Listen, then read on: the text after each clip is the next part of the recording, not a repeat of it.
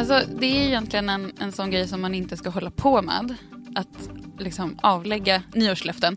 Men jag tänkte faktiskt, eller jag har bestämt mig för att jag ska göra en grej i år som, som jag ändå tror kommer gynna mig.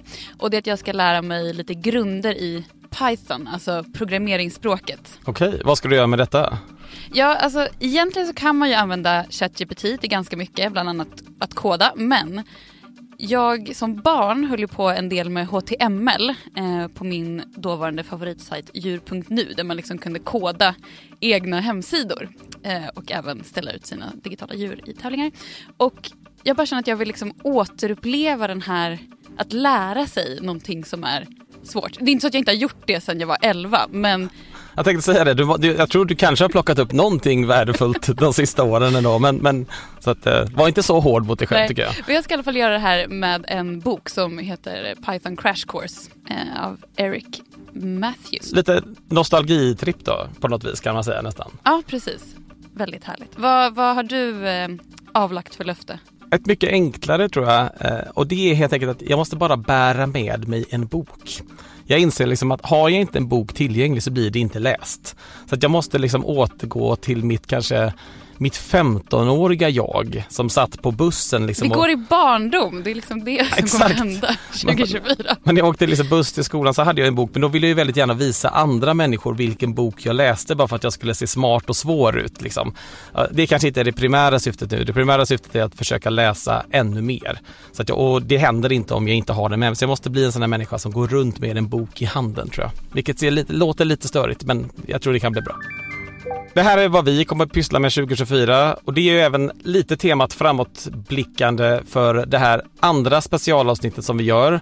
När vi har valt ut några personer som vi tycker är särskilt spännande att hålla koll på. Så häng med! Du lyssnar på Tech Brief, en podd från Svenska Dagbladet. Jag heter Björn Jeffrey och är techanalytiker Och jag heter Sofia Sinclair och är techreporter.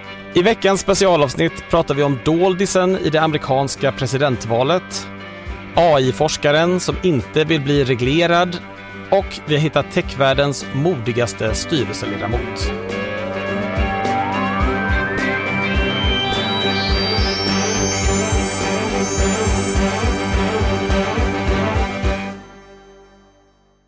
Precis som förra veckan så har vi valt två personer som vi tror kommer bli viktiga under 2024. Jag tänkte höra, vem, vem har du valt Sofia? Jag har valt Shozi Chu som är VD på TikTok. Just det, ett namn som man kanske har hört men framförallt så har man hört väldigt mycket om TikTok under året åtminstone. Precis, jag tänker att jag ska jag presenterar honom lite. Han, han har ju varit VD på TikTok sedan 2021 efter en, eh, en kort sejour som finanschef på ByteDance som är ägarbolaget eh, till TikTok.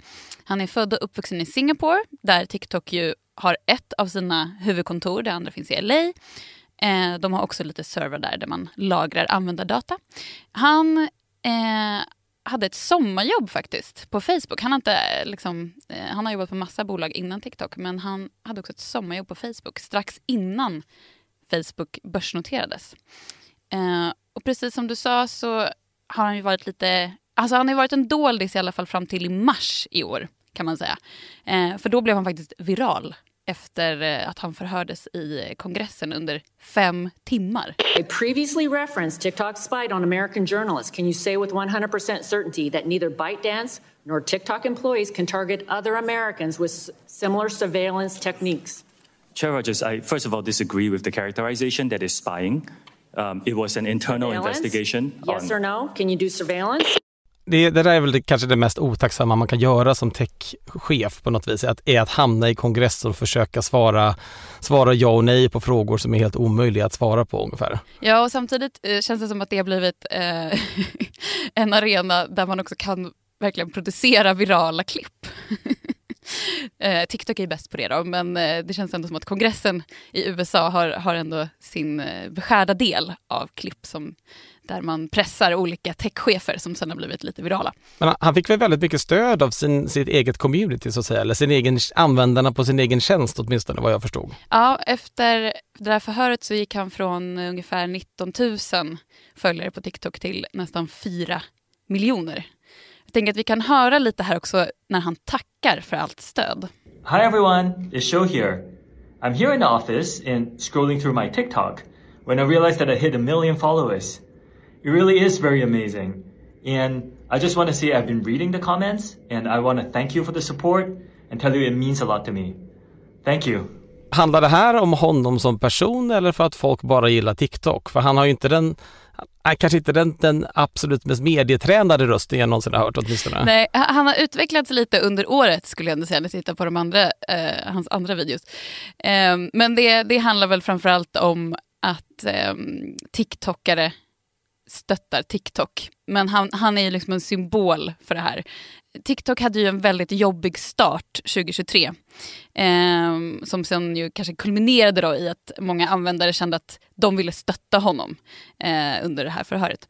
Men det var ju hot om förbud i USA eh, eller en tvångsförsäljning av TikTok. Sen så började också olika EU-instanser eh, utfärda förbud för anställda. De fick inte ha TikTok på sina arbetstelefoner och en massa andra myndigheter i olika länder, regeringsanställda. Och allt det här bottnar ju i den oron som vi har hört mycket om under 2023, nämligen att appen skulle kunna användas för kinesiskt eh, spionage. Det har framförallt varit det som eh, olika politiker i USA eh, och även FBI har varnat för tidigare. Men Sushi Chews uppdrag är egentligen att förklara varför detta är okej. Kan man säga. Om man ska kortfatta hela grejen är att säga det är okej att ha ByteDance som ägare. Det är inte så farligt som alla kanske tror. För det låter ju som ett ganska otacksamt uppdrag eh, givet alla de här instanserna som har ställt svåra frågor till honom. Precis. Hans viktigaste uppdrag där var ju att försvara eh, TikTok och eh, även då i förlängningen eh, ByteDance. Man ska också säga att det finns inga bevis för att det har förekommit den här typen av spionage utan det är ju anklagelser eller oro från, från politiker och lagstiftare främst. Eh, men problemet här är ju just ägaren ByteDance eh, som du också nämnde. Eh, och huruvida man ska betrakta det och i förlängningen TikTok som ett, som ett kinesiskt företag eller inte. De har ju mest internationella ägare eh, och själva legala sätet för ByteDance finns på eh, Cayman Islands. Sen finns det en massa obesvarade frågor här. Jag tänker vi ska inte riktigt gå in på det just nu. Eh, de har också försökt liksom, stilla den här oron genom att sjösätta Project Texas i USA och Project Clover i EU där man flyttar över eh, användardata och ska skydda den betydligt bättre. Och det här kommer de ju jobba stenhårt med och Josie Chu kommer att jobba stenhårt med det här under 2024 att vända politiker och lagstiftares uppfattning om att eh, ByteDance och då TikTok är kinesiskt. Eh, kongressförhöret lär ju inte vara sista gången som vi kanske ser honom gå viral. Det kan nog mycket väl hända under 2024 också tror jag. Hur tycker du att han har skött sig hittills? Liksom? Hur bra har det gått givet liksom hur 2023 startade? Så vi, vi tittar på 2024 nu. Har han liksom lyckats vända den här opinionen på något vis eller, eller eh, fortsätter uppförsbacken så att säga? Han har ju med sig stödet av miljoner och åter miljoner eh, TikTok-användare. Och det är ju dels en maktfaktor och det blev ju också ännu tydligare då efter det här förut och kommer ju vara Eh, det, det, ligger ju fast. Men sen har du ju också, det här är det som jag tycker är intressant in i 2024 då, att opinionen har ju börjat vända hos de här som har utmålat appen som ett hot. Eh, det har man ju sett nu lite under hösten kanske framför allt och sen så kommer det ju troligtvis bara öka under eh, året. Och jag tror att han eh, ju är en viktig symbol här. Dels för att han eh, är från Singapore, bara det lyfts ju fram väldigt ofta i det här sammanhanget kring honom. Eh, men också att han ju syns mer och troligtvis kommer att synas mer.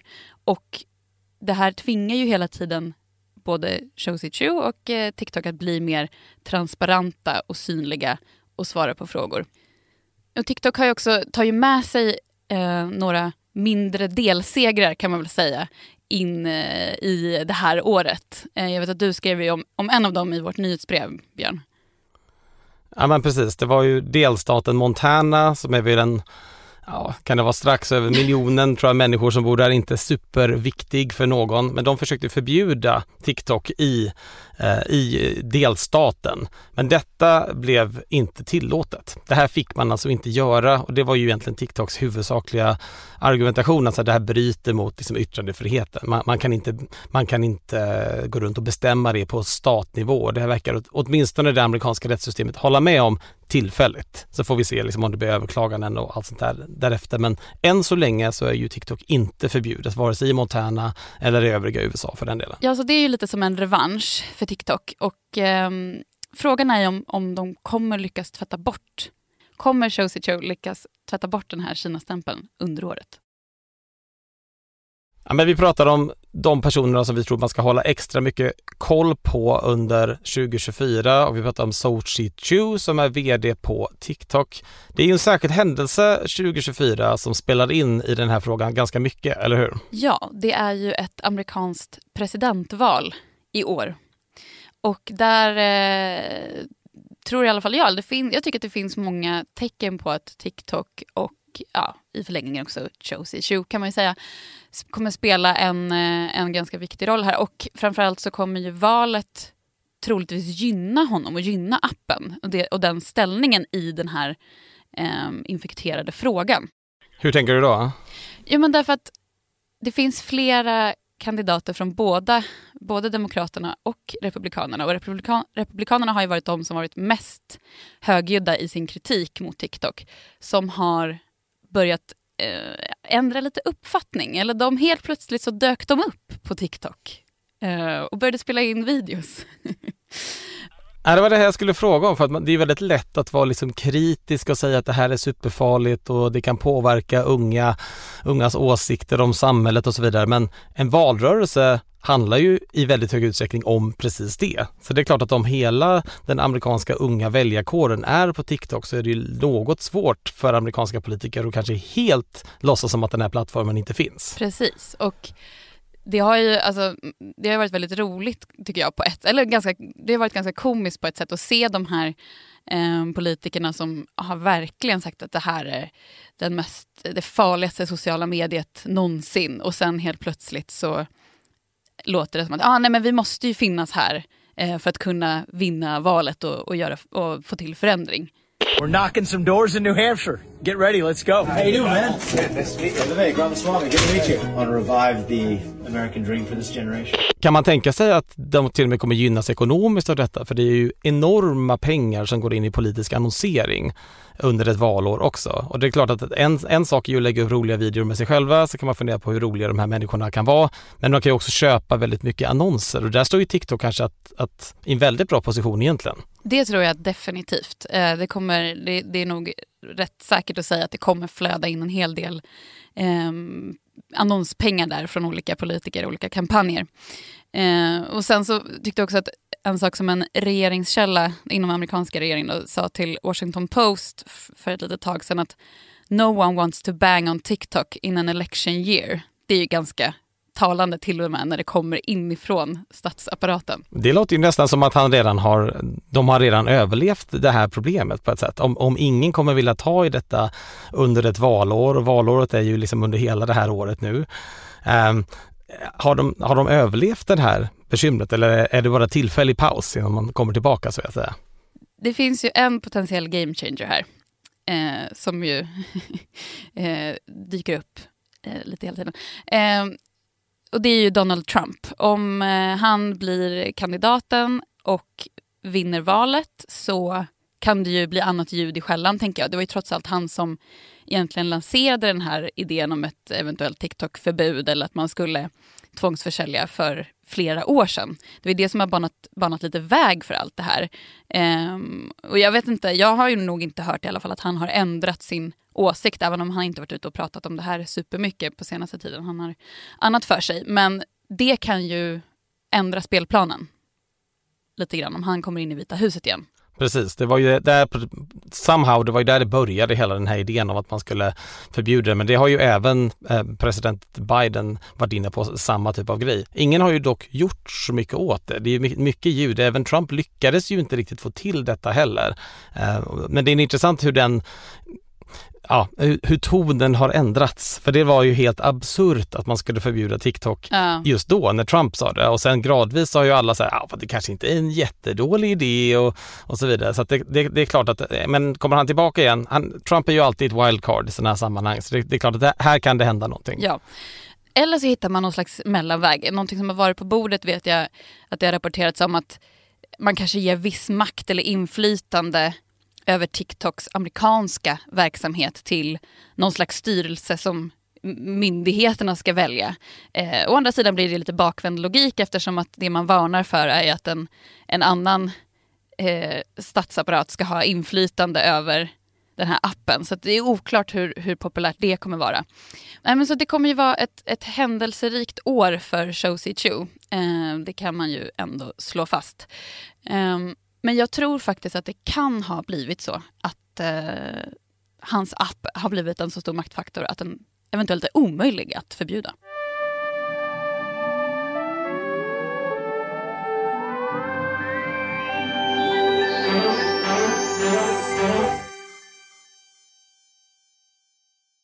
Vi brukar ju ha ett segment som heter Veckans, men eftersom det här är ett specialavsnitt så kör vi också en liten specialare här.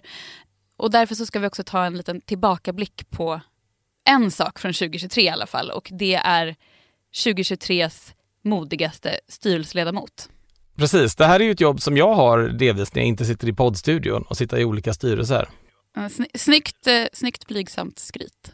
Jag vet inte om det är mycket sk- skryt det är tyvärr, för att vara styrelseledamot är ju väldigt mycket att sitta på möten och nicka och titta på andra människor som gör det faktiska arbetet i ganska hög utsträckning. Och, men det är väl Mm. kanske också det som gör att man tänker på vad, vad, vad, hur är man modig i denna kontext?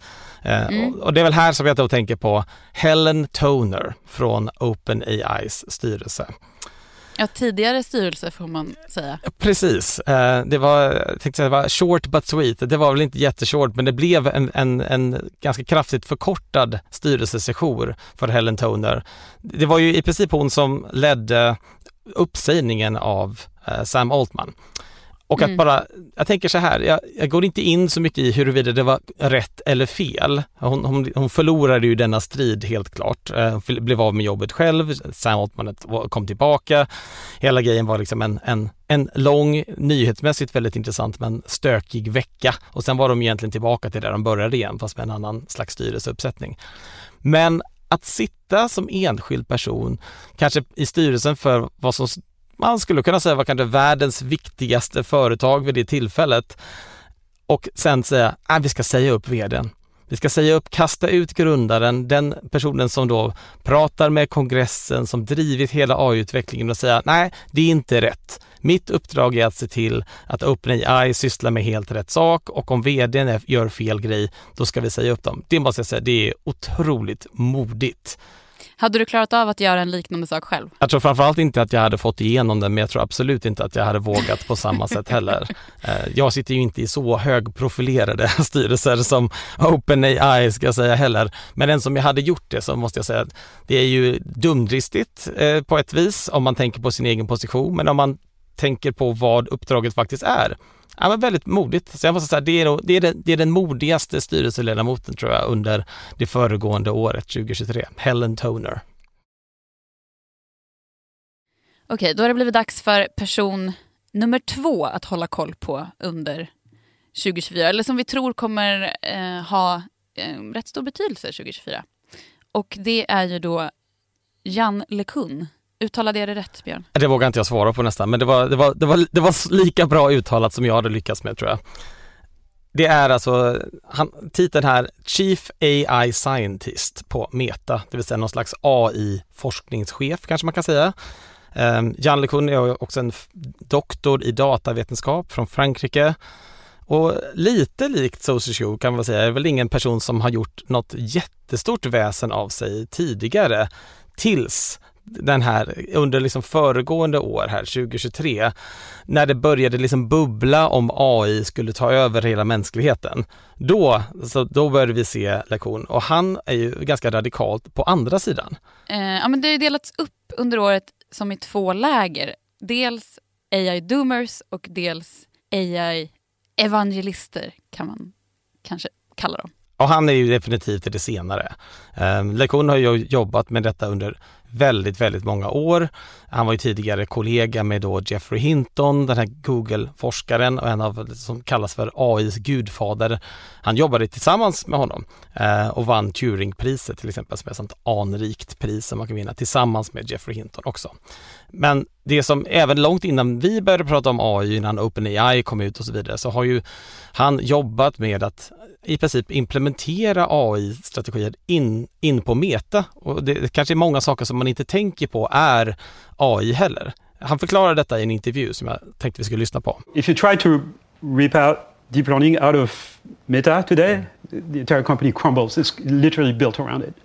Uh, so, um, so a lot of a lot of things behind the scenes, um, and things that are a little more visible, like uh, you know, translation, for example, that uses AI massively, obviously, or, you know, generating subtitles for the video so you can watch them silently. That's speech recognition. That is visible, but most of it is behind the scenes. Vad han menar är ju egentligen att hela Meta skulle liksom nästan ramla samman om man plockade bort det som var AI liksom i de vanliga metaprodukterna, kanske Instagram och Facebook som man tänker på idag. Och så tror jag kanske inte alla upplever att, att det är så det fungerar. Nej, man tänker väl inte ofta på hur ehm, till exempel här, moderering fungerar med hjälp av AI eller eh, bildigenkänning. Eller man, man har inte med sig det där riktigt tror jag som användare alltid. Nej, och det är väl egentligen kanske det här liksom långa arbetet med AI som Jan LeCun har jobbat med som har gjort att han hamnar så tydligt liksom i det här entusiastfacket. Han har sett det, han har jobbat med det länge. Men man ska säga då att den här Jeffrey Hinton som jag nämnde tidigare, han har ju då blivit en skeptiker. Det är lite intressant. Så de här två har liksom forskat tillsammans, varit på samma ställe, jobbat med samma typ av frågor. Jeffrey Hinton blev en skeptiker och Jan LeCun blev en entusiast. Jag tycker det är intressant, hur, för de var ju ett helt gäng där som, som har varit någon slags eh, gudfäder av AI och att de har gått i så oerhört olika riktning, många av dem, eh, i just den här uppdelningen kring hur man ser på framtiden. Ja, men verkligen. Han har ju till och med gått så långt, Jan LeCun då, att jämföra lite med de här AI-kritikerna, inklusive då hans tidigare kollegor, med en apokalyptisk kult, vilket är ju stora ord, måste man ändå säga men, men hur... Um, I vilken riktning för han Metas arbete med AI under, 20, under 2024 tror du? Vilket, eh, vilket avtryck kommer han att göra? Hur kommer han att driva liksom sin inställning i den här utvecklingen? Men det börjar liksom utkristallisera sig lite. Det finns två olika ska man säga, riktningar då som du var inne på. De som är skeptiker och de har ju varit ganska associerade med den här rörelsen som heter effective altruism. Och effective altruism har ju egentligen mest med hur ska du kunna få maximal nytta i världen på, på det, ja, hur, hur, hittar du maximal nytta egentligen? Men de har på något vis... Mm, lite, lite oavsett eh, tillvägagångssätt kan man ju säga att de, det är själva utfallet som är det Precis, viktiga. men de har tagit någon slags position i den här rörelsen om att, att vara lite mer eh, AI-skeptiska. Um, ehm, och även om det egentligen inte har jättemycket med effective altruism att göra. Men jag tycker det är intressant det då, för det är liksom, de kallar sig ibland för EA, den här rörelsen, effective altruism. Det mm. finns nu ett annat EA som är precis på andra sidan, som mm. är den totala motsatsen mm. till detta, som, i, åtminstone i hur de ser på AI-utveckling. Och det är det som kallas för effective accelerationism. Gud vad krångligt eh, krångligt begrepp. och både att säga, men du får också, vad, vad, betyder det? Jag har faktiskt inte hört det. Egentligen så är det kan man säga att om effective altruism säger vi borde sakta ner detta, vi borde ta det lugnt, så, så, så säger effective accelerationism vi måste snabba på.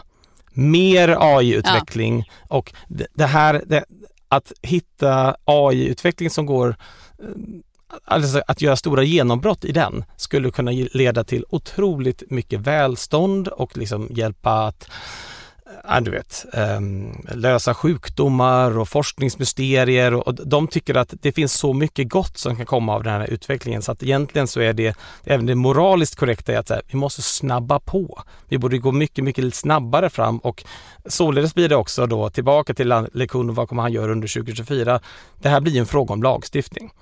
För att effective accelerationism säger i princip ta ner alla skyddsbarriärer. nu kör vi på. Nu, liksom, det är viktigare att vi hittar liksom, stora genombrott så kanske vi kan lösa cancergåtan eller den typen av frågor. Och om, vi, om det är det vi försöker göra, varför ska vi då ha en massa ska säga, vägupp på vägen dit? Så skulle man kunna säga. Mm.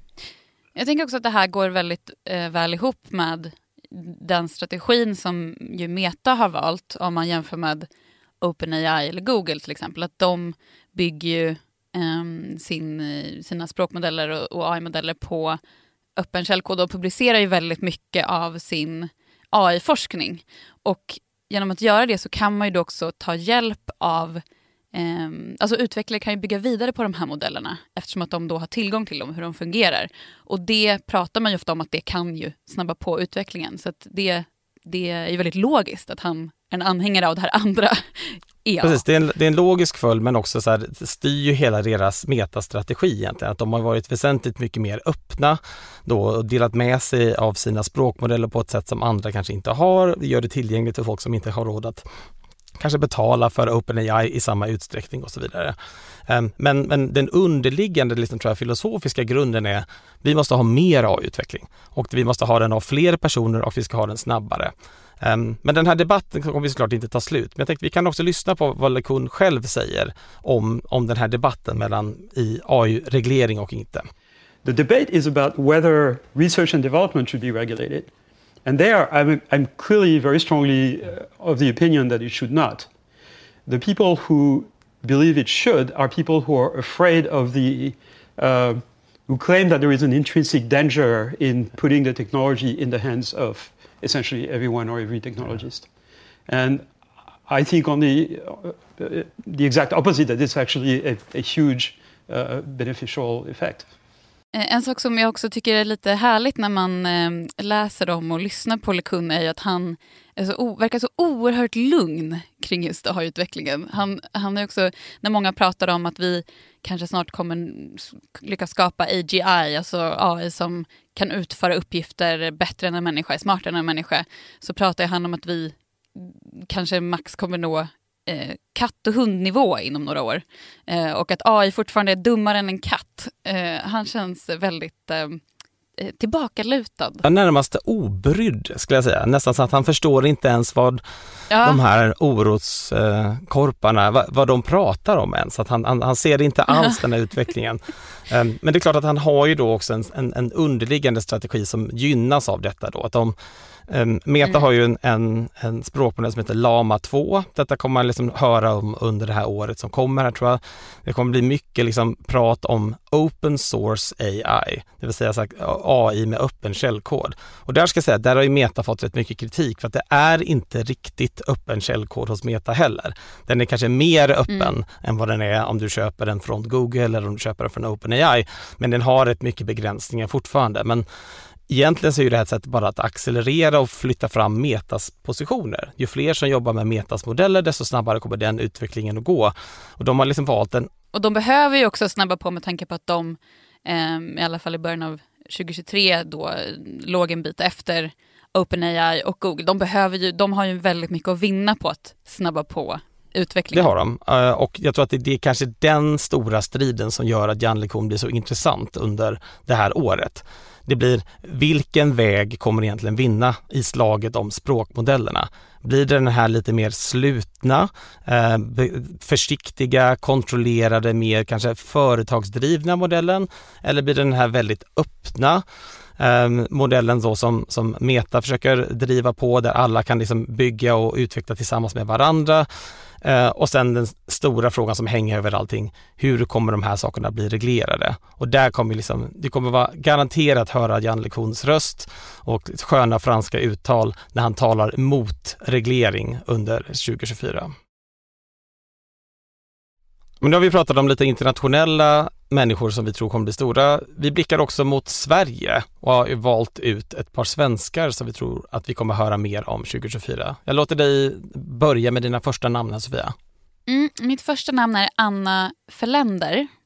Eh, hon har ju egentligen varit ett namn inom AI väldigt eh, länge och jobbat länge med just eh, eh, AI och ansvarsfull AI. Eh, nu, så dels är hon investerare i Sana Labs som eh, är ett väldigt stort svenskt AI-företag och ligger långt fram i utvecklingen just inom generativ AI. Men sen har hon också ett, ett eget AI-bolag som ehm, utvecklat ja, men, metod och verktyg för, att, eh, för kontroll av etiska och regulatoriska AI-risker. Ehm, så de ska helt enkelt hjälpa andra bolag också att um, Eh, vara i linje med regleringar kring AI, som AI Act till exempel. Och jag tror att det där kommer ju vara en, en rätt viktig position att ta. Det, det, kan nog vara svårt för många bolag att, att navigera i det där. Eh, och det finns väl uppenbarligen ett, ett, behov av det. Och jag tror att hon kommer eh, vara, oavsett om bolaget går bra eller inte, tror jag att hon kan vara en ganska en röst som kommer höras rätt mycket i just det här ämnet som också kommer vara stort under 2024. Intressant. Jag, eh, jag går vidare och jag vill tipsa om Jens Nylander. Det här är alltså den här gamla Jens of Sweden kanske man kommer ihåg. Yeah. Han har också varit entreprenör liksom efter det. Han hade någon slags Uh, Automile hette det som liksom mätte dina tjänsteresor. Mer av en, så här, en, en klassisk entreprenör som pysslar liksom med goda idéer som kommer upp lite oavsett var de kommer ifrån. Mm, mm. Uh, MP3-spelare uh, eller färd färdmedel eller, och liknande. Men han har nu blivit liksom li, lite mer av en AI-researcher. Mm. Ehm, I synnerhet för journalister kan det vara intressant att, att, titta på det jobbet som han gör för att dra ut data, eh, offentlig data och hitta liksom missförhållanden om har kommuner betalat fakturor på fel sätt? Har man betalat med, liksom, med fel nummer? Finns det liksom skumraskaffärer som pågår? Men liksom titta på det här datasättet mer som en entreprenör skulle ha gjort, liksom, och verkligen har byggt liksom en hel liten egen tjänst bara för att gräva fram det, vilket jag tror är väldigt, väldigt spännande och ligger väldigt mycket i tiden. Och också ganska kul, även om det är lite pikant, att det är en enskild person som gör detta och inte ett stort mediehus. Ja, men han fick liksom någon slags revansch eller uppsving igen under 2023. Just för hur han har jobbat med att eh, eh, ja, men inhämta och analysera ICA-handlares bokslut. Jag tror att vi har nog bara hört början av detta skulle jag tro. Att, ja, om man får gissa så har han rätt mycket projekt på gång. 2024 kan nog bli liksom ett riktigt grävår för Jens Nylander tror jag. Okej, och jag tar de sista här och jag har faktiskt eh, en svensk, men jag har också kuppat in här eh, en estnisk person. En, en estnisk? Du, du fuskar i hela systemet av att välja svenskar och, och väljer en estnisk person istället. Okej, okay. du får en väldigt god anledning till detta. Ja. Uh, men den första jag, jag, tänker på är Fredrik Hjelm som ju är eh, vd på eh, elsparkcykelbolaget Voi. Och den andra då är Marcus Willig eh, som är vd på eh, Bolt som ju har både elsparkcyklar och eh, taxiverksamhet och matleveranser och lite allt möjligt. Och, men här, här tänker jag att det handlar just om elsparkcyklarna. För att 2023 var, har varit ett väldigt det var ett väldigt tufft år för den här branschen. Det är många bolag som har försvunnit från, eh, ja, men både om man tittar här i Sverige från olika marknader men också i Europa. Vi har eh, amerikanska Bird som ju var tvungna att avnoteras från börsen för att deras aktie var värd så himla lite. Eh, och bara nu i, i december där så kom det flera nyheter om att andra stora elsparkcykelbolag eh, har behövt eh, dra ner på verksamhet eller eventuellt sälja verksamhet. Och de två som, som eh, jag kanske eventuellt kan bli de, de ännu större spelarna under 2024. Ja, det kan just vara Voi och Bolt, tror jag. Eh, så jag tror att vi, vi kommer få se att de jag tror att de kommer göra en hel del intressanta strategiska val oavsett om det handlar om kanske uppköp av eh, konkurrenter eller ja, den här marknaden kommer ju konsolideras ännu mer under 2024 och jag tror att de kan vara två stora spelare där. De här namnen kommer ni säkert höra mycket om under året. Ni kommer även kunna läsa om dem i vårt nyhetsbrev SvD Tech Brief som jag hoppas att ni redan läser. Gör ni inte det så är det gratis, kommer varje vardag, finns att signa upp på på svd.se signup.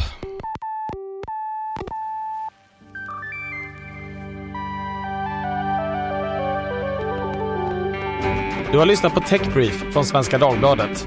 I studion denna vecka var jag, Björn Jeffrey och Sofia Sinclair. Producent var Marcus Morey Haldin och redaktör Claes Lönegård. I vår redaktion ingår även Madeleine Levi, Henning Eklund, Erik Wisterberg, Daniel Persson Mora och Louise Andrén Meiton. Vignettmusiken gjordes av Stefan Storm och omslagsbilden av Liv Widell. Ljudklippen i podden kom från TikTok, Time Magazine och CBS. Ansvarig utgivare är Martin Ahlqvist. Vi hörs nästa vecka.